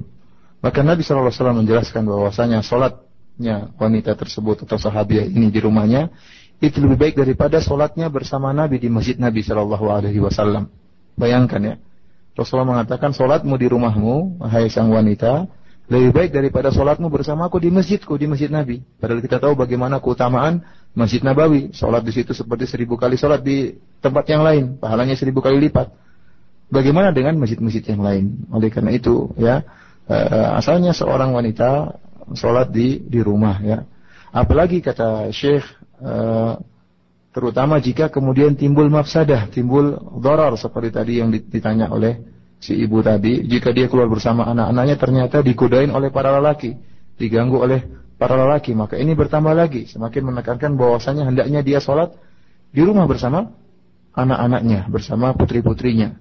Kemudian dia berusaha menjelaskan pada putri-putrinya hal tersebut. Kemudian dia juga berusaha agar putrinya, para putrinya itu melazimkan wirid ya apa zikir-zikir ya. Kemudian untuk berdoa kepada Allah Subhanahu wa taala berzikir sesuai dengan zikir yang diajarkan oleh Nabi Shallallahu alaihi wasallam. Maka itu e, lebih baik. Meskipun kata Syekh bahwasanya boleh seorang wanita salat di masjid. Kata Rasulullah SAW, la tamna'u ima Allahi masajid Allah wa buyutuhunna khairun lahun kata Rasulullah SAW janganlah kalian melarang para wanita untuk pergi ke masjid ya. boleh bagi seorang terkadang wanita seorang wanita terkadang ingin sholat di masjid silakan ya, silakan akan tetapi di rumah mereka lebih baik namun saya mengingatkan hendaknya tatkala seorang wanita keluar dari uh, rumahnya ya maka hendaknya dia bersama lelaki ya bersama laki mahramnya misalnya agar apa agar bisa menjaga mereka kalau dia keluar bersama lelaki bersama mahramnya, suaminya atau kakaknya ya, insya Allah gangguan itu akan kurang atau tidak ada sama sekali. Kenapa? Karena ada yang jaga. Ataupun kalau mereka akan tetapi kalau mereka keluar sendiri, para wanita keluar sendiri, maka kemungkinan besar akan digoda. Dan kaidah mengatakan darul mafasid muqaddam ala jabil masalih bahwasanya e, menolak mafsadah itu didahulukan daripada mengharapkan kebaikan. Jika seorang wanita ingin keluar sholat tarawih, ternyata digoda di jalan, maka hendaknya dia tidak sholat tarawih di masjid, sholat di rumahnya. Kenapa? Karena apa, menghindarkan keburukan itu didahulukan daripada mendatangkan uh, kebaikan. Kita angkat telepon selanjutnya, Ibu Nani di Depok. Assalamualaikum. Waalaikumsalam. Baik, silakan. Uh, saya menanyakan ini, Ustaz tadi menyinggung tentang ini uh, asal wanita itu di dalam rumahnya. Uh, sejauh mana wanita dalam Islam boleh keluar rumah selain yang disebutkan tadi untuk pergi sholat ya dilarang, tidak boleh dilarang untuk pergi sholat. Uh, terus apakah ketika dia keluar rumah, apakah dia harus menutup wajahnya itu aja. Assalamualaikum warahmatullah. Waalaikumsalam warahmatullahi wabarakatuh. قال الله عز وجل وقرن في بيوتكن ولا تبرجن تبرج الجاهلية الأولى. الآية تدل على أن الأصل في المرأة القرار في البيت وألا يكون خروجها إلا لحاجة. وإذا استغنت عن الخروج فالأولى لها أن تقر في بيتها لأن الأصل في المرأة أنها مربية لأجيال ومنشئة لأجيال ولا بد من وجودها في البيت ورسالتها تنطلق من بيتها. هذا الأصل في المرأة.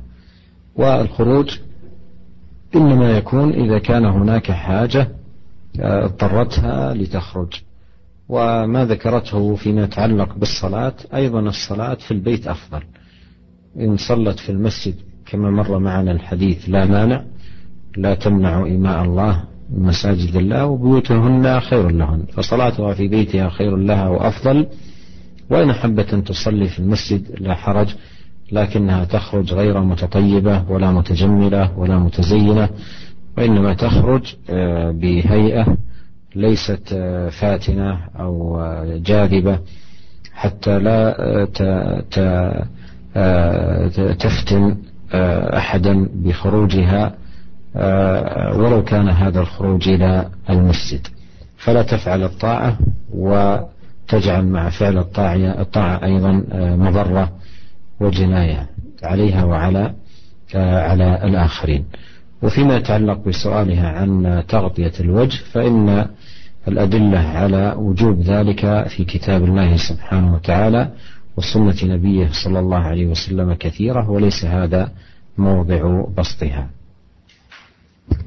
Uh, Syekh menjelaskan bahwasanya Allah Subhanahu wa taala berfirman wa qarna fi buyutikunna wa la tabarrajna tabarrujal jahiliyatul ula. Wa qarna fi buyutikunna. Hendaknya kalian tetap di rumah-rumah kalian, menetapi rumah-rumah kalian. Ayat ini menunjukkan bahwasanya asalnya para wanita itu tetap di rumah mereka, ya. Asalnya para wanita itu tetap di rumah dan mereka diperbolehkan keluar rumah kalau memang benar-benar ada hajah, memang ada kebutuhan. Ya, bukan asal hobi saja keluar, tapi kalau memang ada kebutuhan silakan keluar rumah. Akan tapi jika ternyata tidak perlu untuk keluar rumah, misalnya bisa diwakilkan oleh mahramnya dan yang lain, maka tidak perlu keluar rumah. Kalau sudah tidak tidak perlu keluar rumah dan ternyata ada yang bisa mewakili, maka tidak perlu dia keluar rumah. Karena asalnya seorang wanita itu murabbiyah di rumahnya. Dia yang harus mendidik anak-anaknya. Dia harus mendidik al-ajyal, mendidik generasi Islam. Karena generasi para pemuda berada di pundak para ibu-ibu, di pundak para wanita. Maka mereka harus tetap di rumah untuk mendidik anak-anak mereka. Adapun hobi untuk keluar rumah itu menyelisihi asal uh, seorang uh, wanita. Dan tidak boleh seorang keluar dari seorang wanita keluar dari rumahnya kecuali jika memang ada kebutuhan yang mendesak. Adapun perkara sholat, di masjid. Kata Syekh jelas bahwasanya seorang sholat di seorang wanita sholat di masjid tidak dilarang karena tadi sabda Nabi la tamna'u ima Allah masajid Allah ya bahwasanya janganlah kalian melarang para wanita untuk keluar ke masjid. Tidak dilarang. Tapi ingat kata Rasulullah SAW wa buyutuhunna khairun lahun. Bahwasanya rumah mereka itu lebih baik bagi mereka. Jadi bagaimanapun sholat di rumahnya lebih afdal daripada sholat seorang wanita di masjid meskipun dia tidak boleh dilarang untuk ke masjid. Kemudian kata Syekh jika seorang wanita memang hendak ingin sholat di masjid ya maka hendaknya dia jaga dirinya. Tatkala dia keluar dari rumahnya, maka jangan dia mutatajibah, jangan dia pakai minyak-minyak wangi, kemudian jangan dia bermacak-macak, bertabarruj, menghias ya, hias dirinya. Akhirnya apa? Tatkala dia keluar rumah betapa banyak laki-laki yang terfitnah tatkala melihat ada seorang wanita cantik keluar dari rumah untuk pergi ke masjid. Meskipun ke masjid, orang wanita yang keluar ke masjid bisa jadi memfitnah para lelaki, ya. bisa jadi memfitnah para lelaki. Maka janganlah sampai kita ingin melaksanakan ketaatan kita campur ketaatan tersebut dengan jinayah.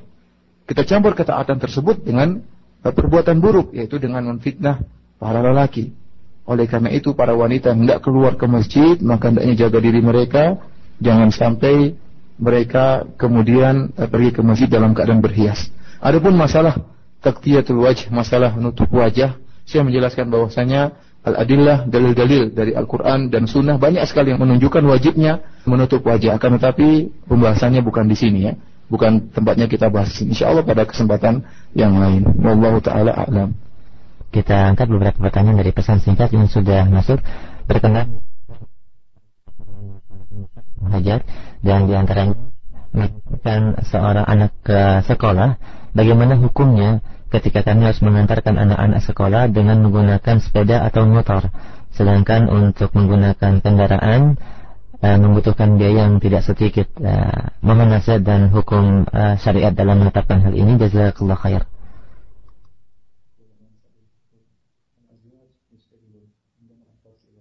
هذا العمل الذي ينبغي أن يقوم به الآباء وتكون رسالة المرأة في البيت. أما تعريض المرأة للخطر بالدراجة والدبابة ومثل هذه الأشياء القوية التي لا لا تليق المرأة ولا ولا تناسب أنوثتها هذا من أعمال الرجال ومن مهام الرجال. فينبغي على الأزواج تقوى الله سبحانه وتعالى والقيام بهذا الأمر وتبقى المرأة في رسالتها ومهمتها وألا تحمل مثل هذه الأعمال التي هي أعمال تعد نوعا ما شاقة ولا تتناسب مع ضعف المرأة وأنوثتها وما ينبغي أن تكون عليه من قرار في البيوت والله أعلم. Uh, Syekh mengatakan bahwasanya pekerjaan seperti ini ya naik sepeda nganterin anak ke sekolah harusnya dikerjakan oleh para bapak-bapak ya para bapak yang mengerjakan jangan sampai pekerjaan yang ada berat ini ya itu ditugaskan kepada para ibu-ibu. Ibu-ibu tugasnya di rumah didik anak-anak. Adapun mengantar anak-anak ke sekolah apalagi jauh, maka hendaknya bapak-bapak yang mengerjakannya, jangan ibu-ibu ya. Maka kata saya hendaknya para bapak-bapak untuk bertakwa kepada Allah Subhanahu wa taala ya, untuk uh, jangan membani para wanita dengan amalan yang berat yang tidak cocok dengan uh, kewanitaan mereka ya. Ini pekerjaan berat ya, harusnya dikerjakan oleh eh, bapak-bapak uh, dan tidak dibebankan kepada para ibu-ibu uh, yang seharusnya di rumah dan mendidik anak-anak mereka. Wallahu taala a'lam.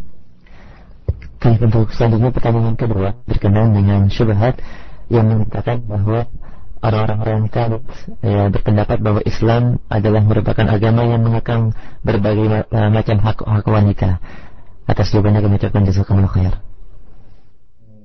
من يدعي هذه الدعوة في الإسلام من المستشرقين أو غيرهم لم يعرف حقيقة الإسلام وهو أجنبي عنه حتى يصف الإسلام بهذه الصفة القائمة على البهت والكذب ولا يعرف في الأديان الموجودة على وجه الأرض والمذاهب القائمة على وجه الأرض على اختلاف آه، على اختلافها وتباينها لا يوجد سوى الإسلام دين يرعى للمرأة حقوقها ويصون لها كرامتها ويحفظ لها عفتها ويبعدها من عوادي المعتدين وإيذاء المؤذين. وإلا فإن المرأة في كافة المذاهب والنحل تتعرض لأنواع من الأذى لا يعلم مداه إلا الله سبحانه وتعالى. وفي الإسلام عندما يطبق تطبيقا صحيحا بعيدا عن العشوائية التي تقع من كثير من أفراد المسلمين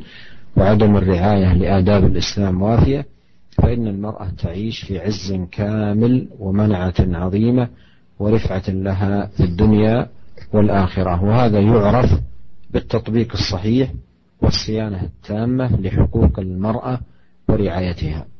والمرأة كرمت في الإسلام كرامة عظيمة جدا لا توجد في أي أي دين آخر. وفي هذا الموضع جمعت كتابا عنوانه تكريم الإسلام للمرأة وهو مطبوع وأتمنى لو يتيسر لأحد طلاب العلم أن يترجم هذا الكتاب إلى اللغة الأندونيسية حتى تقف المرأة على محاسن الدين الإسلامي وجماله ورعايته لها وصيانته لحقوقها بوفاء وتمام ممكن أيضا نجعله في موضوع حلقة فيما بعد من حلقات هذا البرنامج Syekh menjelaskan bahwasanya ya, propaganda yang digembar-gemborkan oleh orientalis, musyrikin atau orang-orang kafir yang mengatakan bahwasanya Islam itu mengekang mengekang hak-hak hak-hak para wanita itu tidak benar. Ini propaganda ini hanya timbul dari orang yang ajnabi yang tidak kenal Islam, yang tidak tahu menahu tentang Islam. Atau tahu hanya sekedar luar saja tidak pernah mendalami Islam sehingga tidak mengerti bagaimana hakikat Islam. Sungguhnya Islam adalah agama yang sangat menyanjungkan para wanita, sangat-sangat menghormati para wanita, sangat dijaga hak-hak para wanita ya dan hal ini tidak didapati dalam agama-agama yang lain. Tidak ada satu agama pun yang benar-benar memperhatikan hak para wanita. Berbagai macam macam model aliran, berbagai macam model agama yang ada di atas muka bumi ini tidak ada yang seperti Islam dalam dalam hal uh, menghormati para wanita dan memuliakan uh, para wanita. Oleh karena itu, hal ini memang sebenarnya tidak bisa dilihat bagaimana pemuliaan wanita kecuali jika diterapkan syariat Islam dengan tatbiqan sahihan, dengan tatbik yang benar penerapan yang benar. Yang jadi masalah, banyak penerapan yang keliru sehingga tidak nampak hal ini. Namun jika seandainya Islam diterapkan dengan sebenar-benarnya sesuai dengan sunnah dan ajaran Allah Subhanahu wa taala maka akan nampak bagaimana mulianya para wanita. Bagaimana Islam berusaha menjaga mereka, bagaimana memuliakan mereka ya. Bahwasanya pekerjaan yang tidak cocok buat wanita tidak boleh dilakukan oleh para para wanita. Dan bagaimana Islam benar-benar uh, apa namanya menyanjung para wanita.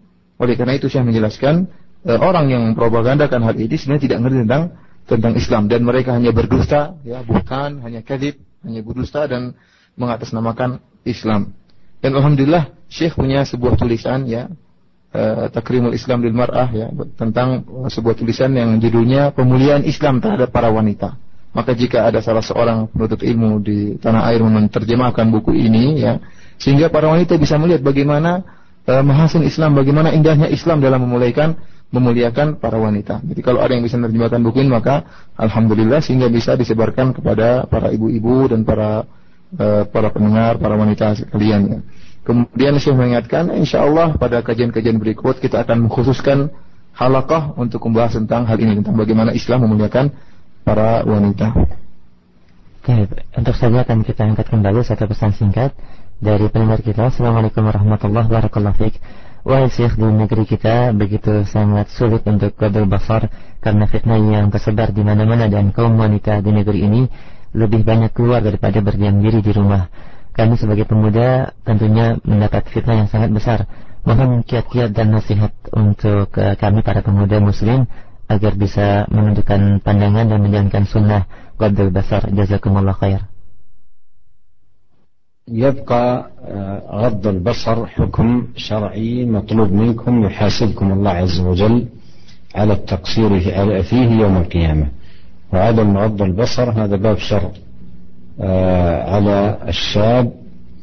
ولهذا إذا كثرت الفتن زاد هذا الطلب على الشاب أن يغض بصره وأن يتقي الله سبحانه وتعالى. فليس هذا عذر كثرة النساء أو كثرة خروجهن سافرات هذا ليس عذرا للشاب في أن يطلق لبصره العنان بالنظر لما حرمه الله سبحانه وتعالى.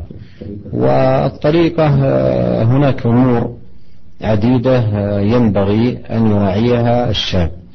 الأمر الأول الدعاء. يدعو الله سبحانه وتعالى أن يصلح قلبه وأن يرزقه غض البصر وأن يجنبه الفتن.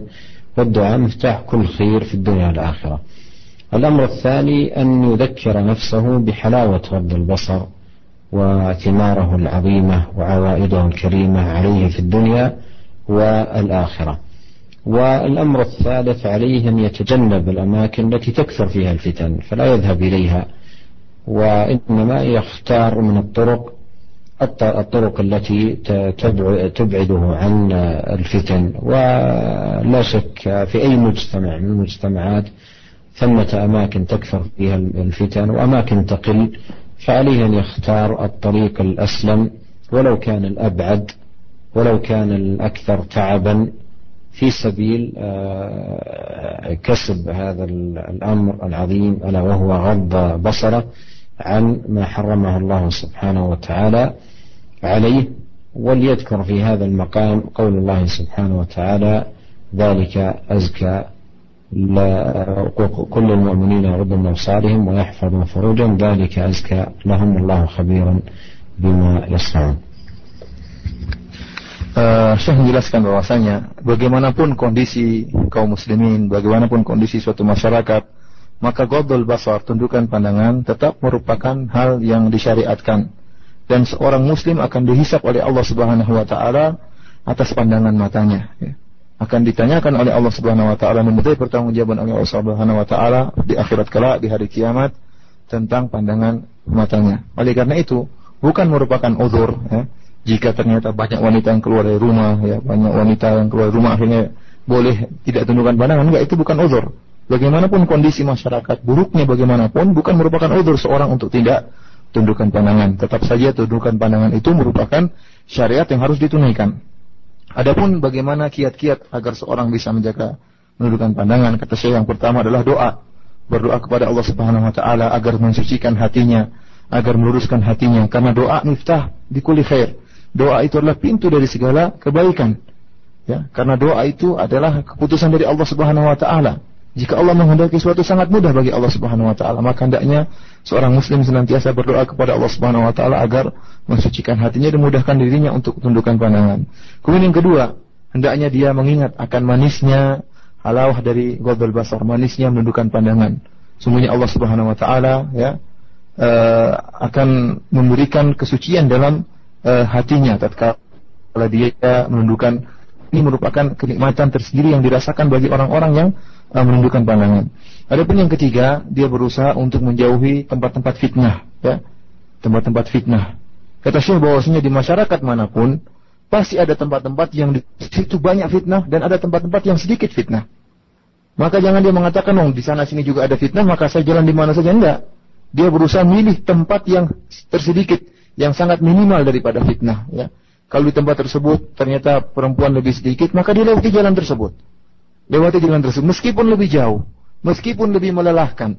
Namun hendaknya dia tempuh jalan tersebut karena bertakarub kepada Allah Subhanahu wa taala agar bisa uh, menjaga uh, dirinya dan bisa menjaga pandangannya.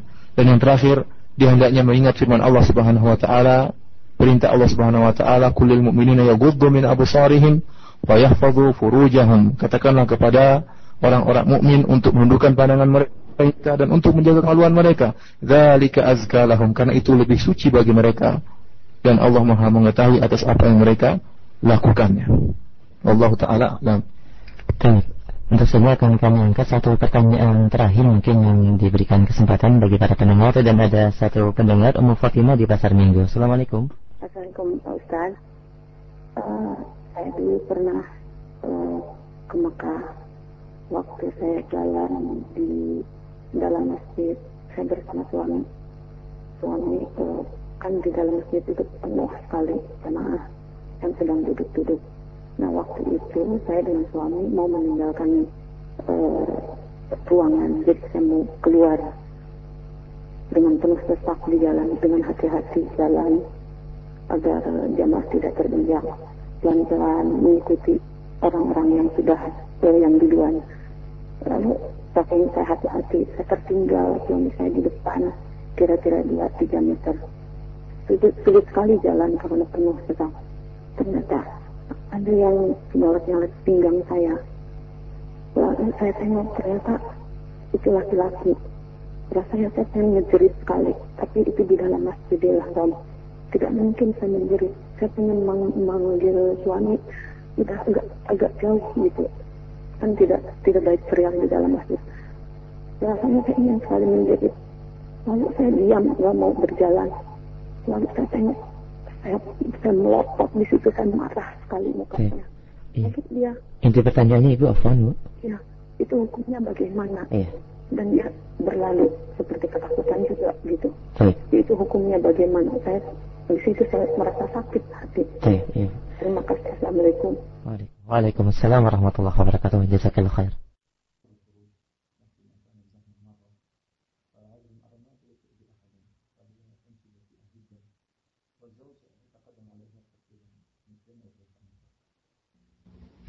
وجود وجود الشذاذ والمنحرفين هذا موجود في كل مكان يعني آه، سلامة المكان لا يلزم منه سلامة كل الأشخاص القائمين في المكان.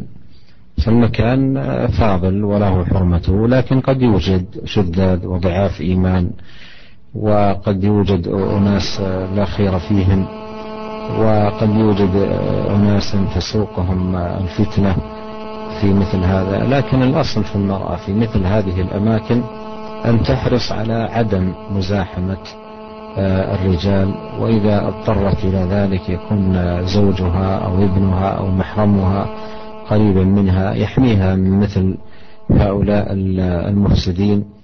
ولعل سؤال هذه السائلة يؤكد آه، ما تحدثنا عنه طويلا في هذه الحلقة وفي حلقات مضت أن المرأة يجب عليها أن تصون نفسها من الاختلاط بالرجال. إذا كانت تعرضت لمثل هذا الأذى في هذا المكان الفاضل. فكيف إذا كانت في السوق والمنتديات العامة؟ لا شك أنها عرضة لمثل هذا وأشد. فالأصل في المرأة أن تحذر من مخالطة الرجال ومزاحمة الرجال حتى في أشرف مكان. ولهذا جاء في بعض الآثار أن مولاة لعائشة أم المؤمنين رضي الله عنها جاءت فرحة. قالت لها طفت بالبيت قبلت الحجر الأسود. فقالت لها عائشة رضي الله عنها لا آجرك الله. تزاحمين الرجال. يعني ليس طلب النفل في تقبيل الحجر مبررا لأن تكون المرأة تداحم الرجال وتزاحم الرجال وتعرض الرجال للفتنة. فهذه السائلة يعني هي أخطأت أولا عندما كانت بعيدة عن زوجها المفترض أن يكون معها وقريبا منها. حتى ما حد يتعرض لها وأن تبتعد عن الزحام. وإذا كان الطريق مزدحم تجلس في مكانها حتى يخف الزحام. ما الذي يحوجها إلى أن تخرج في في في في في زحام تعرض نفسها لمثل هذا الأذى. والله سبحانه وتعالى الهادي. نسأله أن يصلح أحوال المسلمين في كل مكان وأن يردهم إليه ردا جميلا. وأن يصلح نساء المسلمين وأن يعيذهن من الفتن ما ظهر منها وما بطن وأن يصلح لنا جميعا ديننا الذي هو عصمة أمرنا وأن يصلح لنا دنيانا التي فيها معاشنا وأن يصلح لنا آخرتنا التي فيها معادنا وأن يجعل الحياة زيادة لنا في كل خير والموت راحة لنا من كل شر وأن يغفر لنا ولوالدينا وللمسلمين والمسلمات والمؤمنين والمؤمنات الأحياء منهم والأموات والله تعالى أعلم وصلى الله وسلم على عبده ورسوله نبينا محمد وآله وصحبه أجمعين Saya menjelaskan bahwasanya adanya orang-orang yang uh, aneh atau yang memiliki sifat-sifat seperti ini yang rusak di tempat seperti Masjid Haram di Mekah itu memang ada ya. Karena saya menjelaskan bahwasanya uh, sucinya suatu tempat tidak melazimkan sucinya para penghuni tempat tersebut. Keselamatan suatu tempat tidak melazimkan keselamatan penghuni tempat tersebut. Ya mesti ada orang-orang yang tidak beres yang berada di tempat yang suci ya. Uh, saya menjelaskan bahwasanya asalnya seorang wanita itu ya tidak tidak keluar uh, tidak bercampur dengan laki-laki tidak ikhtilat meskipun di masjid ya. Namun jika seandainya ternyata dia terpaksa untuk uh, menemui kondisi seperti itu bercampurnya laki-laki sama perempuan maka kata Syekh mengingatkan hendaknya dia tetap bersama suaminya atau tetap bersama dengan uh, mahramnya ya. Jangan sampai dia menjauh dari mahramnya. Jangan sampai dia menjauh dari suaminya. Karena dia akan diganggu oleh lelaki ya. Oleh karena itu pertanyaan yang disebutkan oleh ibu penanya ini semakin menekankan kepada kita akan apa yang tadi telah kita jelaskan bahwasanya wanita itu hendaknya tidak sering keluar rumah dan hendaknya kalau keluar rumah hendaknya bersama mahramnya atau bersama suaminya. Lihat ibu ini, meskipun di tanah yang suci, meskipun di tempat yang paling suci, yaitu di Masjid Al-Haram di Mekah, toh masih digoda, masih digoda. Apalagi di tempat-tempat sembarang, apalagi di tempat-tempat hiburan, apalagi di pasar-pasar, maka akan lebih digoda lagi. Ini semakin menekankan bahwasanya seorang wanita jika keluar hendaknya ditemani oleh mahramnya dan tidak uh, keluar uh, sendiri. Oleh karena itu, uh, Syekh menjelaskan dalam sebagian asar disebutkan ada seorang uh, budak wanita milik Aisyah radhiyallahu taala anha, dia pergi tawaf di Masjid Haram, tawaf di Ka'bah. Kemudian setelah itu dia balik menemui Aisyah dalam keadaan sangat gembira. Dia mengatakan saya telah tawaf sebanyak tujuh kali dan saya telah mencium hajar aswad. Saya telah mencium hajar aswad. Dia merasa sangat gembira. Maka apa kata Aisyah radhiyallahu taala anha? Kata dia la ajarakillah tuzahimin rijal. Kata Aisyah, tidak ada tidak ada pahala bagimu. Ya. Kenapa engkau sampai mendesak-desak para lelaki ya? Nekat ya, bukan berarti karena saya ingin mencium hajar aswad kemudian menjadikan dia boleh untuk uh, mendesak para lelaki. Tidak boleh. Asalnya wanita menjauh dari para lelaki tidak malah bercampur dengan para lelaki. Seperti tadi kata Syekh mengatakan, seandainya dia terpaksa melewati para lelaki, maka hendaknya dia hendaknya ditemani oleh mahramnya atau suaminya dan tidak boleh jauh dari dari dari dia. Oleh karena itu, ada kesalahan yang dilakukan dalam hal ini yaitu kesalahan suaminya. Kenapa suaminya meninggalkan istrinya ya? ya harusnya dia tetap menemani istrinya sehingga tidak digoda oleh uh, lelaki lain. Kemudian kata Syekh harusnya wanita ini tatkala uh, zahmat tatkala keramaian yang sangat padat, maka dia jangan nekat untuk keluar, tunggu sebentar. Tunggu seperempat jam, tunggu setengah jam sehingga uh, bisa agak lapang, bisa longgar baru dia uh, dia keluar ya. Demikian saja apa yang bisa disampaikan oleh Syekh pada pengajian kita kali ini. Kita berdoa kepada Allah Subhanahu wa taala agar Allah Subhanahu wa taala memperbaiki segala urusan kita dan meluruskan kaum muslimin di mana pun mereka berada. Dan semoga Allah Subhanahu wa taala melindungi para wanita dari gangguan orang-orang yang buruk, dari gangguan orang-orang jelek, menjaga mereka dan uh, bisa uh, menjaga mereka dari uh, gangguan orang-orang yang buruk. Serta kita berdoa kepada Allah Subhanahu wa taala agar memperbaiki segala urusan dunia kita dan agar menjadikan kehidupan kita sebagai penambah amal kebajikan dan menjadikan kematian kita sebagai sikap berhenti dari segala kemaksiatan dan semoga Allah Subhanahu wa taala memberi hidayah kepada kaum muslimin seluruhnya. Ada demikian saja. Wabillahi taufiq wal hidayah. Assalamualaikum warahmatullahi wabarakatuh.